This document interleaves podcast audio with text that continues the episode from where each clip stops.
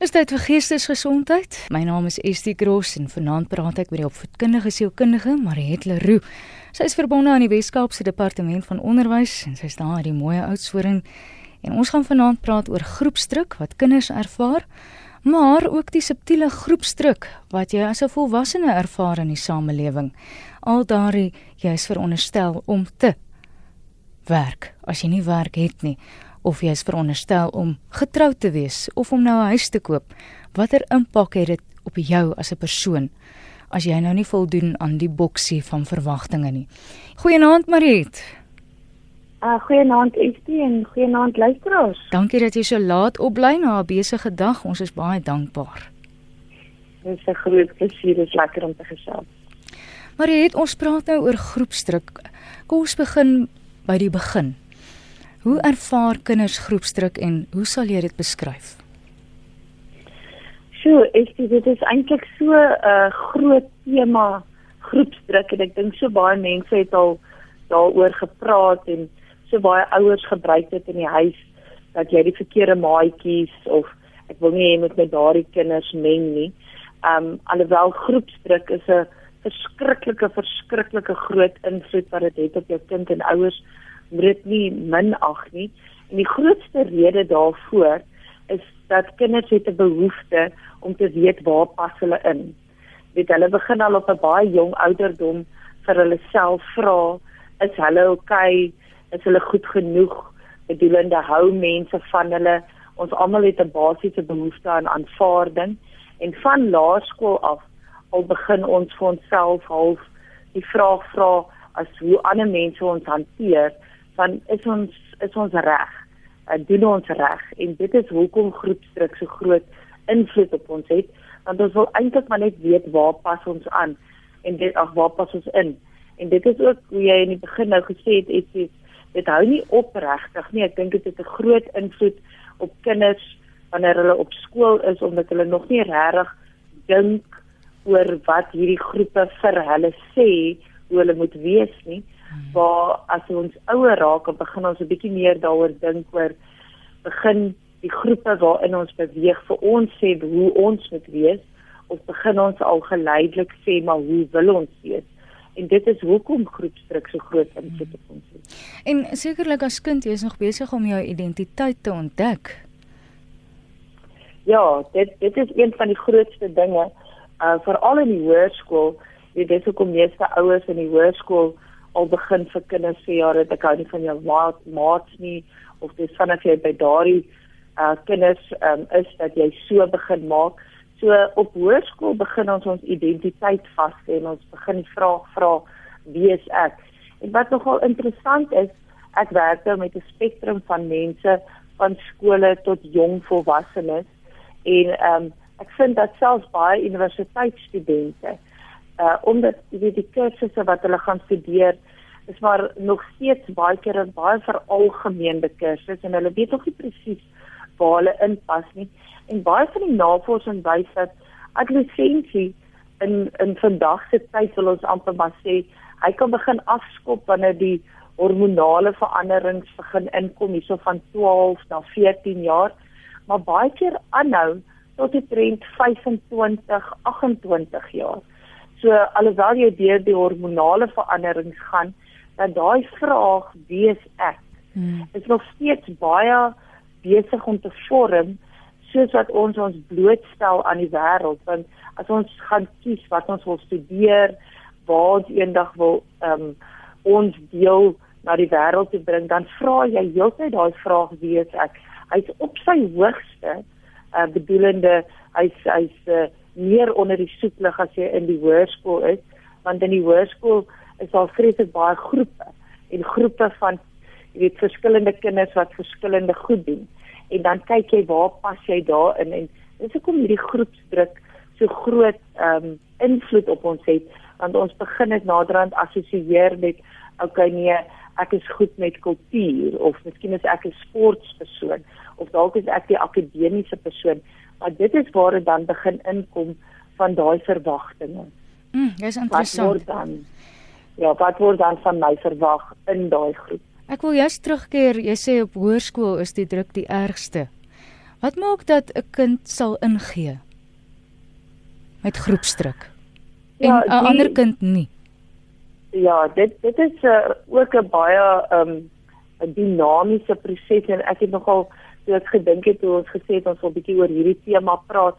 So nie net dalk te gesels oor uh jy weet die die slegte kant van groepsdruk nie, maar miskien ook vir ouers bietjie meer van 'n oplossing gee.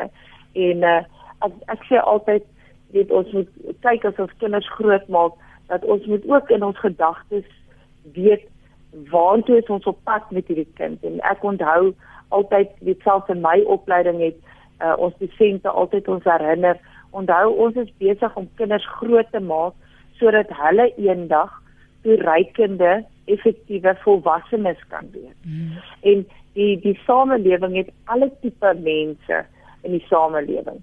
Um alle alle tipe groepe, alle tipe mense en ons is besig met verskillende kinders om hierdie volwassenes vir die vir die volwasse lewe groot te maak. So hierdie ding van ingees dat ek dink baie ouers en skole laat dit na om om regtig ook te fokus op die kind se identiteit. Jy weet ons leer vir kinders so baie goed.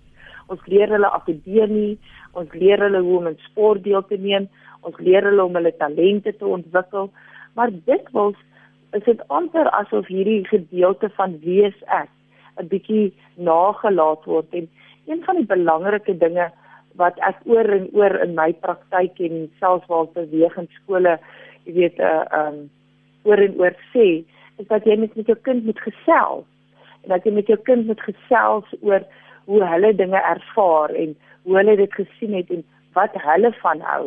En en um 'n kind wanneer jy 'n kind groot maak, moet jy onthou jy maak 'n kind groot in sy fisiese gedeelte, sy verstandsgedeelte in skool, maar ook emosionele gedeelte en ook 'n geestelike gedeelte. En ek ek voel dat baie keer mis ons daai deel van dat ons kinders help om agter dit aan te loop van wat is dit wat hulle van hou? Wat is dit wat hulle geniet om te doen en waarin is hulle goed? Ek wil byvoorbeeld net 'n bietjie sê Estie van dit as jy net gaan kyk byvoorbeeld in een deel van die sielkunde as jy kyk na morele ontwikkeling. Wat so interessant is, dis 'n ou ou teorie wat uh, ons dikwels nou nog gebruik wat sê hoe leer ek 'n kind of hoe leer 'n kind om te onderskei tussen reg en verkeerd? Want onthou nou as ons praat van groepsdruk, as ons praat van verwagtinge van wat ek moet kan doen, mm -hmm. dan iewerste moet 'n kind of 'n jong mens kan onderskei. Okay, almal hier om my sit in 'n rook, maar miskien wil ek nie rook nie. Maar hoe gaan ek dit doen as hierdie my maatjies is? Of veral as jy praat van meisies, meisies is baie vatbaar vir groepsdruk want almal lyk op 'n sekere manier, almal praat op 'n sekere manier, almal gaan uit na sekere plekke toe en wat is ek nie van daai plekke hou nie? Wat is ek nie daai goed wil doen nie? Hoe hmm. onderskei ek tussen wat reg en verkeerd vir my is? En as jy 'n bietjie gaan kyk na daai morele ontwikkelingsteorie, dan het hierdie mense bevind dat die trend 70% van mense, selfs volwassenes, nê, maak besluite op reg en verkeerd net op grond van beloon word daarvoor as hulle die regte besluit maak of gaan hulle gestraf word as hulle die verkeerde besluit. Huh. 70% van alle mense. So sal jy by die robot stop as jy weet ehm um, iemand gaan jou vervolg of gaan jy maar oorry as jy weet daar's niemand wat jou gaan vervolg nie. Dis interessant. Jy kan om ja, deurtrek na klomp dinge toe. En die beloning en gestraf kan ook verskillende aspekte wees. An ja, dit kan dit kan van kinds af verskillende goed wees. Aanvaarding of verwerping. Ja. En en as jy praat so van aanvaarding en verwerping, dit kan wees wat kry ek daar uit? As ek byvoorbeeld ehm um, as ons praat van uh, meisies byvoorbeeld wat sê maar uh, in sekere verhoudings betrokke raak en hulle uh, raak dalk um, seksueel aktief in hierdie verhouding. Maar dit is nie wat hulle wil doen nie maar hulle kry ook 'n sense of belonging en daai aanvaarding daaruit. En en baie keer gebeur dit by seuns ook jy weet ek is 'n sekere macho man of ek uh, hanteer goed op 'n sekere manier.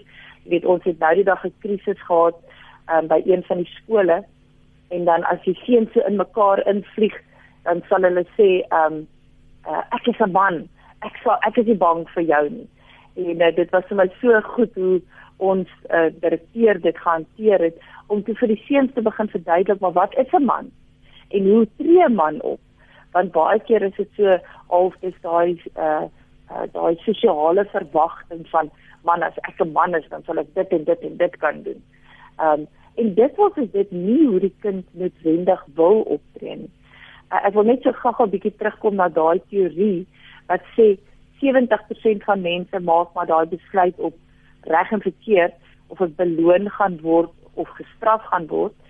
20% van mense en dit begin hier in die tienerjare maak besluite op reg en verkeerd op grond van waarmee hulle hulle self assosieer. So, Met ander woorde, mhm. Mm as jy byvoorbeeld sê nee maar ek is 'n um, uh iemand wat akademies goed doen, dan maak jy jou besluite van ek gaan nie vanaand uitgaan nie of ek gaan nie laat aand hê want ek wil studeer. Of jy kan daai besluit maak van sê maar ek is 'n Christen, ek gaan na hierdie kerk toe. So al almal wat saam met my by hierdie kerk is, ons maak so. Hmm. Maar dan kan jy hom ook in die slegte kant ingooi, né? Want jy ek weet op 'n stadium was daar hierdie gasgroepe of daar was hierdie groepe wat ehm um, dagga rook of daar's groepe wat sê maar ag weet jy ons is ons is nie so daai klomp nie, ons maak so.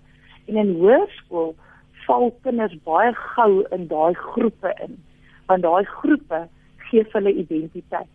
Hmm, ek wil gou daai sense of belonging. Ek wil gou terugkom met jy gesê het oor die morele ontwikkeling. So, maar het is ek jou reg verstaan? Dis my eintlik skrikwekkend dat jy sê dat 20% die ander besluit maak. Met ander woorde, hmm. die kind wat reeds op 'n vroeë stadium 'n besef van sy eie identiteit het, sal dan daardie versoeking weerstaan om in te gee om iets te doen wat hy nie graag wil nie, want hy klaar besluit wie hy is, terwyl die ander groep nog besig is om te besluit. Verstaan ek jou reg? Ja, ek ek ek dink min ouers uh praat met hulle kinders en laat hulle kinders se gedagtes 'n bietjie gaan oor wat is dit wat hulle wil doen of wat is dit wat hulle van hou. Hmm. Um ek het self uh, kinders wat twee van my kinders studeer en dan is twee van my kinders nog in um, die hoërskool. En as ek as ek self van my eie kinders kyk, sal die wat studeer en hoe hulle nog hulle identiteit vind binne in dit wat hulle gekies het om te gaan studeer. Ek ek sê baie keer vir mense, ek wil baie graag in my eie kinders hulle aanmoedig om te volg wat hulle passie is. Maar dit is 'n baie moeilike balans want in vandag se tyd moedig baie ouers hulle kinders aan om te gaan studeer sodat jy kan geld maak met jou kind. Mm. En aan die ander kant is daar dan weer ouers wat heeltemal aan die ander kant gaan en sê nee, my skat doen net wat jou hartjie begeer. Maar daar's 'n fyn balans tussen die twee van wat is dit wat ek van hou? Wat is my passie? Ek wil amper dit roep onder waarvoor is ek geroepe? Wat wat is dit wat maklik na my te kom? Maar dan om kinders te help om dit dan binne in iets konstruktiefs te sit, selfs op skool, né? Nee? Want dis nie te sê dat sê maar jy is goed in teken dat jy netwendig die A++ op die assessment kry nie. Maar om jou kind aan te moedig om nog steeds daai talent van hulle te ontwikkel is verskriklik belangrik. En ek dink min ouers besef die waarde daarvan om met jou kind te gesels oor wat is dit wat hulle van hou, hoekom hou hulle daarvan as 'n maatjie so praat. Selfs kom ons sê soos die boelie pas so goed by hierdie tema in want bullying is eintlik van ek ek wil so graag inpas so nou doen ek maar wat die boelie sê ek moet doen. En dit kan groot groot ehm um, nadele vir 'n persoon wees. En as jy meer met jou kind gesels oor weet wat is hulle passie, wat is hulle hulle hulle energie hier binne in hulle, dan help ons hulle om hulle identiteit te vorm. Maar jy het daar's nog soveel vrae wat ek jou wil vra. So ek kan net gou 'n netedop hier saamvat. As ek jou reg verstaan, gaan dit daaroor om dialoog met jou kind te hê en om te help om sy eie identiteit te vind. So sal hy ook 'n morele kompas ontwikkel. Ja. Wat hom sal help ja, in daardie omstandighede. Ek hou baie van daai woord wat jy nou gebruik, morele kompas, want dis ook een van die goed ons het laasweek gesels 'n bietjie oor jou ehm um, uh amper soos jou mental skills, jou hoe jy jou verstand kan bietjie hmm. meer intelligent maak, jou emosionele intelligensie. En een van die kernpunte van van mental toughness is dat jy hierdie morele kompas het en dat jy luister na hom. Want as jy nou byvoorbeeld gaan kyk um by groepsdruk en ons kyk oor wat is die die rol van kulturele verwagtinge of ons kyk na wat is die maatstaf van sukses. Um en ons gaan kyk na ma materiële goed.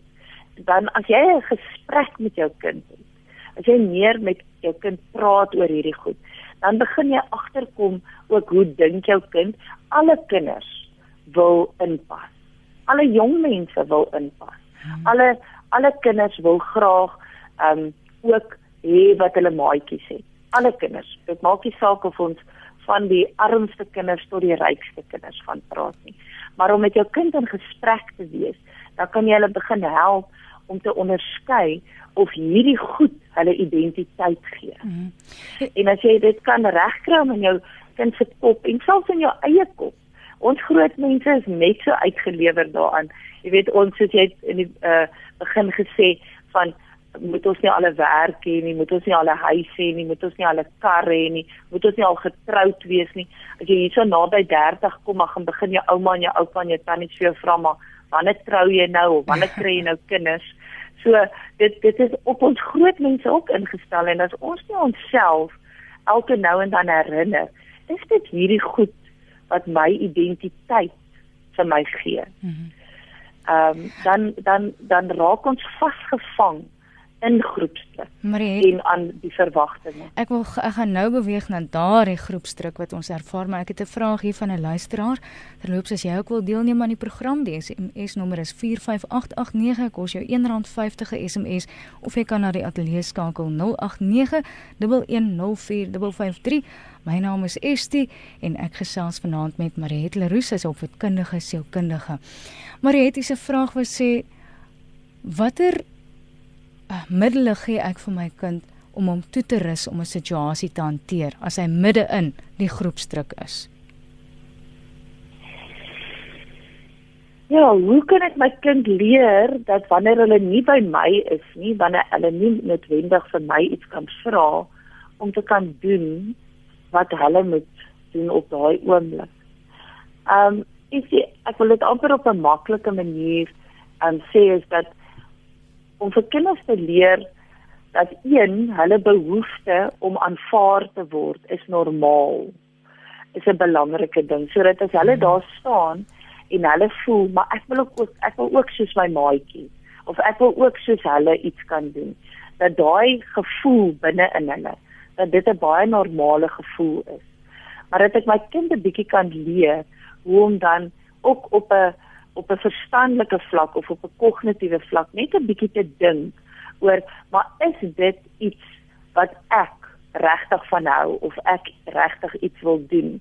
Ek onthou toe my kinders uh, jonger was, het my man altyd vir hulle gesê dat as ons nie by hulle is nie, dit wat hulle nou wil doen, as ons nie by hulle is nie, sou dit nog steeds oukei okay gewees het dat dit wat hulle kies om nou te doen dat as hulle ma en pa daarvan weet of hulle dit moet doen. Nou dit is 'n vreeslike skuldgevoel. Ek het baie keer gevoel dis so 'n skuldgevoel wat ons op hulle sit, maar toe die kinders jonger was, het dit baie goed gewerk. Mm. Jy weet want dis daai ding van daai 20%, ek trek hulle in daai 20% in van jy weet wat wat het my ma en my pa my geleer. Maar het as ek na jou luister, is dit intros, introspeksie om jou kind te leer om op daardie oomblik introspeksie ja. te doen en homself af te vra of hy homself mee kan vereenselwig of hy homself wil eens uh, vereenselwig met dit wat mm. hy nou kies om te doen en jy weet daar da, as jy dit bietjie dieper invat in verhoudings meisies ouens in verhoudings miskien groepe waar seuns um uh, baie verwagtinge het van 'n groep wat bymekaar is jy weet ons in die onderwysdepartement hanteer ons groepe wat by uh, gangsterisme betrokke is. Ons hanteer groepe wat by ehm um, Mandrex uh by alle tipe dwelms betrokke is. En dan ook hierdie afwesigheid van skool daai tipe groepe.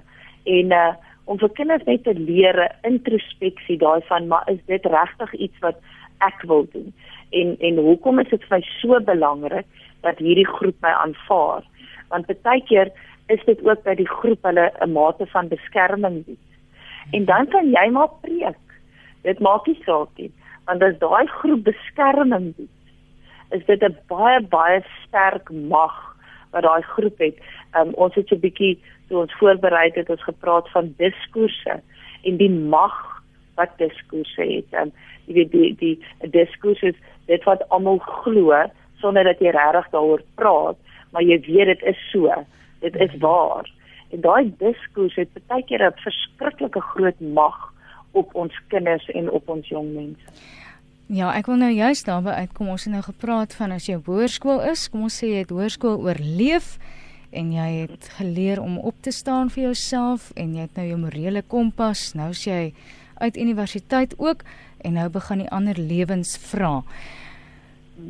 Wat sal jy sê is die onsigbare groepsdruk wat volwasse mense ervaar? Waarmee kry jy die meeste te doen? Ek dink die onsigbare ding is vir my wat ek die meeste in die praktyk ervaar, nee, is daai vraag van is dit wat ek deurgaan normaal of is ek abnormaal? Daai daai diep vraag van jy weet baie mense um, gaan deur verskillende goed en elke geval is is uniek in in in in 'n individuele geval en ek sit met so baie jong mense in my praktyk wat so abnormaal voel omdat hulle deur goed gaan wat hulle dink maar ek is die enigste een wat daar deur gaan of ek is die enigste een wat nog hiermee sukkel. Watter ouderdomsgroep um, praat ons nou van? Wel ek het nou onlangs 'n meisietjie gesien wat so 24 is. Mm en uh jy weet haar vra wat sy vra en wat vir my interessant is is dat omdat die ek dink die tyd waarin ons leef, ehm um, dat die sielkunde is baie oop vir die algemene publiek.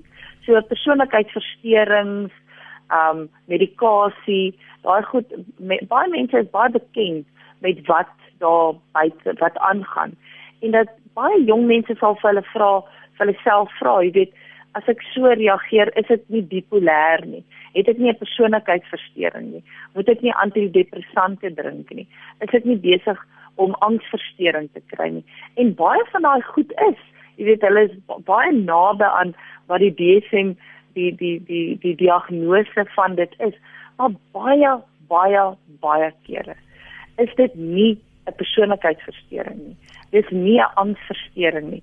Jy is besig om deur iets te gaan omdat jy vra vra en selfs omdat jy ook deur uh, mislukkings gaan. Jy weet die jong mense tussen dink ek is 'n tyd waar hulle ook verskriklik baie foute maak. Skus maar foute, ons het jou so 'n bietjie verloor daar. Ek dink jou jy het net so 'n bietjie gedruk teen 'n telefoonknoppie. Jong mense okay. tussen Jong mense so tussen 20 en 30 Aha. maak verskriklik baie foute. Maar dit is ook normaal om in daai tyd foute te maak, want in daai tyd ontdek jy wat is dit wat jy wil doen. Weet ek vat byvoorbeeld is die ehm um, as ons praat nou oor groepsdruk, jy weet mense wat gaan studeer, as ons ons kinders so aanmoedig om te gaan studeer. Nou gaan studeer, meeste kinders begin met 'n algemene kursus. Maar in hierdie algemene kursus het hulle nog net 'n wye beeld van ek stel belang in kom ons sê besigheid of in um om met mense te werk, maar hulle het nog nie regtig dit gedefinieer met wat is hulle passie nie. So baie keer op hierdie pad maak hulle 'n bietjie foute of hulle uh, sekere vakke dryp hulle, maar éventueel as ons hulle kan aanmoedig om deur hierdie foute, deur hierdie mislukkings of deur hierdie gestoei deur te druk, dan kom hierdie kinders en ek wil sê kinders hier van die ouderdom van 23, 24, 25 eventually daarby uit wat hulle passie is. Hmm. En dan vlieg hulle. dan begin dan sien 'n mens hulle regtig dan hoef die ouers hulle nie meer aan te moedig om iets te doen nie. Dis asof haar energie net self daar is. Maar ek dink dis maar, ook waar Nicole, ekskuus, ek val jou nou in die rede maar het. Nee. Maar ek dink ook dis waar die kulturele diskurs ook inkom. Baie kunsinnige mense wat gaan swat, ehm um, kry nie die goedkeuring nie want hulle is veronderstel om te sakke vol geld te maak en dan maak hulle dalk die verkeerde besluit. Ja. En dan en dan sal dit ook dan sien ons hoe hierdie hoe hierdie jong mens self verval in hierdie maar jy weet uh, iets in my is nie normaal nie. Ah. Ek het nie net die gewone ek, ek moet net die graad gaan doen het of ek moes nou ek moes al teen hierdie tyd geweet het of ek moes nou al geweet het wat ek wil doen of hoe ek dit wil doen. En dit is nie so nie. Ek kan vir luisteraars verseker dat baie baie baie mense wat oor my pad kom, selfs nie eers net die wat in my praktyk is nie, as ek sommer net so gesels oor die algemeen met mense, dan sien jy hoe stoei jong mense tussen 20 en 30 presies waar hulle inpas.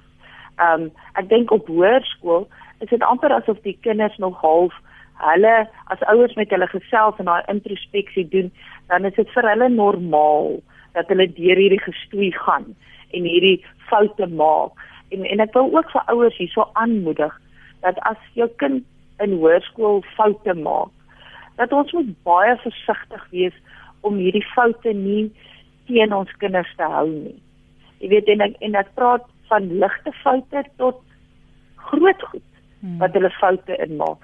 Want baie keer maak hulle maar hierdie foute omdat hulle nog nie presies weet, okay, wat is dit presies wat hulle wil doen nie. Ons groot mense maak nog foute, maar ek bedoel ons weet mos dat dis deur foute wat ons maak dat ons groei. Ja, hy's nou jy's 'n mooi SMS wat 'n luisteraar gesê stuur het. Sy sê of hy sê, my ma het altyd vir ons gesê dat sy weet wat sy ons geleer het en sy hoop dat ons dit eendag in ons lewe sal toepas. So ek dink wat mense daaruit ook kan neem is vertroue wat jy in die persoon moet hê ja, die die vertroue wat ons in ons kinders en ons jong mense moet hê. Ek dink ons moet realisties wees want jy weet as as jou kind dryp en dit kos jou baie geld of iets dan moet jy realisties wees, maar jy moet ook vir hulle die kans gee om sekere foute te maak.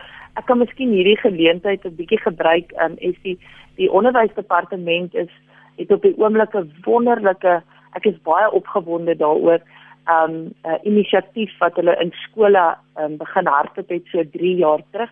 Hulle noem dit um ek nie wat die Afrikaans daarvoor maar dit is transform to perform, 'n T2P uh, beleid.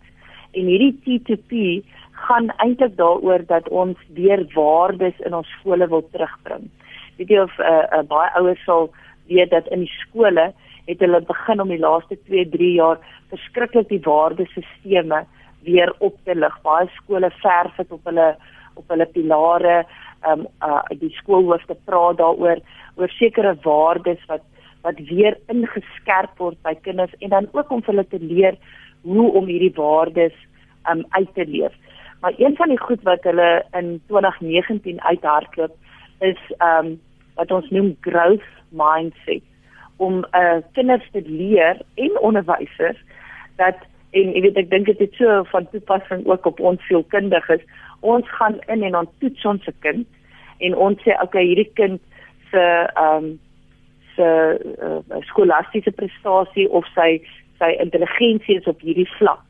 Maar die navorsing wys al hoe meer vir ons dat die brein is uh, uh, hy ontwikkel die plas die die die ontwikkeling van die brein is so dinamies dat wanneer jy met uitdagings te doen het, dat dit fisies neurologies bewys word dat die neurone in jou brein groei en dat daar dele van jou brein is wat jy gebruik as jy met 'n uitdaging besig is wat dan groei en dat uitdagings en moeilike probleme eintlik ons brein se kapasiteit meer en meer en meer ontwikkel. So ons moet onthou dat wanneer ons foute maak, wanneer ons sukkel met ietsie, dat dit eintlik die manier is hoe jou brein groei. En uh, ons is geneig om te dink nee, as ons 'n fout maak, dan hou ons op. Nee, ek is nie goed daarin nie. Ek kan nie dit doen nie.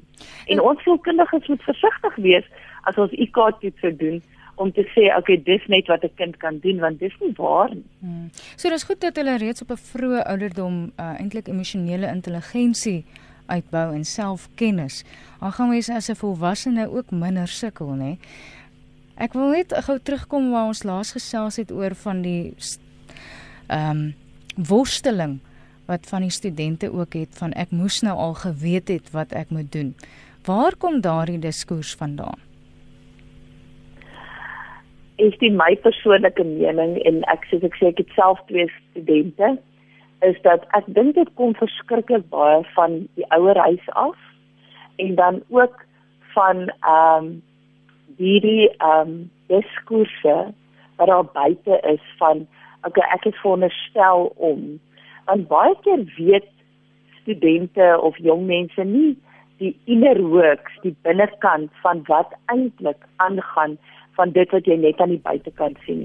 Ek wil eerstens praat oor ouers die druk wat ouers op kinders sit. Um om 'n kind te laat studeer is verskriklik duur. Dit is skiet dit kos ons verskriklik baie geld.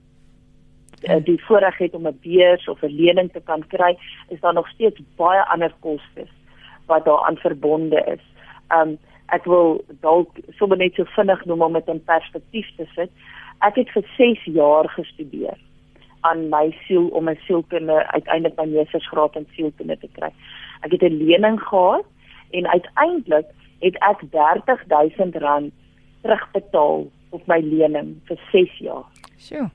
My student, my kind wat nou studeer, met sy studeerkoste, sy verblyfkoste en dan om hom te kan laat eet en basiese sakgeld, kos ons nou maklik 'n 100000 per jaar. 1 jaar net vir een. En dit sit ook 'n veronderstel op die ouers wat verantwoordelikheid neem vir daardie ja. geldelike uitgawe. Uitgawes.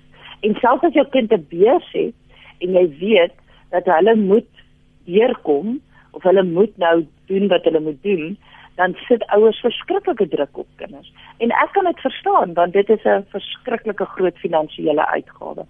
En jou jou verwagting self is dat okay as hierdie kind nou gestudeer het, dan gaan hy daarna gaan werk. En dan gaan dit nou beter gaan.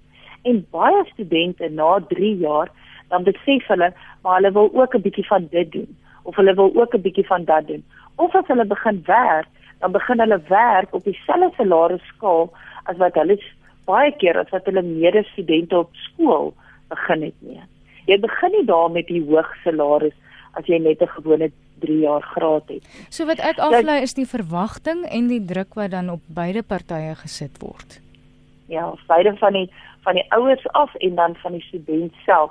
En dan natuurlik kry jy jong mense wat ehm um, ek dink ja dit wat amper soos ek wil amper dit noem net 'n illusie het.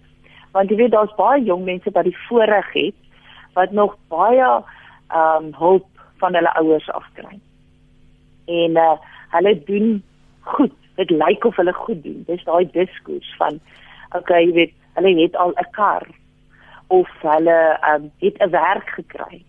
En dan skep dit die illusie van, maar ek is ook veronderstel om dit al te kan hê. En as ons hom net so 'n bietjie terugvat na iemand wat miskien nie daardie geleenthede het nie. Om daar buite in vandag in Suid-Afrika werk te kry, is bitter moeilik en jy moet regtig jouself uitsit. Ek onthou ons het by 'n privaat skool het ons so matrieks gaan gaan 'n bietjie leiding gee oor as jy jou CV opstel. As jy gaan vir 'n onderhoud, hoe moet jy jouself gedra? Hoe moet jy aantrek? Hmm. Basiese goed om vir hulle te herinner dat my skarrebol as jy daar buite gaan en jy gaan doen aansoek vir 'n werk, dit maak nie saak wat se werk dit is nie. Moet jy onthou jy's een van 'n hele klomp wat vir daai selfe werk aansoek. Dis baie druk. Maar het ons tyd raak 'n bietjie min. Ek wil net graag uitkom by so laaste aspek ook. Ons het nou gepraat van die druk wat op ouers is, druk op kinders om te presteer en dit begin sommer in die skool en later as jy studeer ook.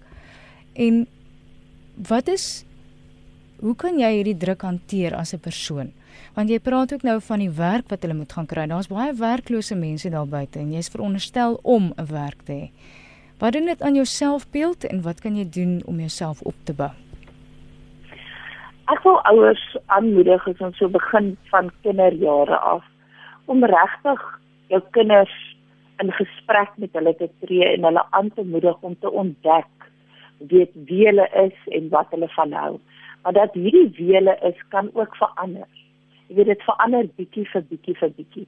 Maar baie keer as ek dieper gesprekke het met um, mense wat in hoër posisies is, dan besef 'n mens dat ons baie keer dit nalat om vir kinders te help om doelgerig te lewe. Jy weet doelgerig en eerlik en introspeksie te doen wat van goed wat ma wat maak hulle gelukkig.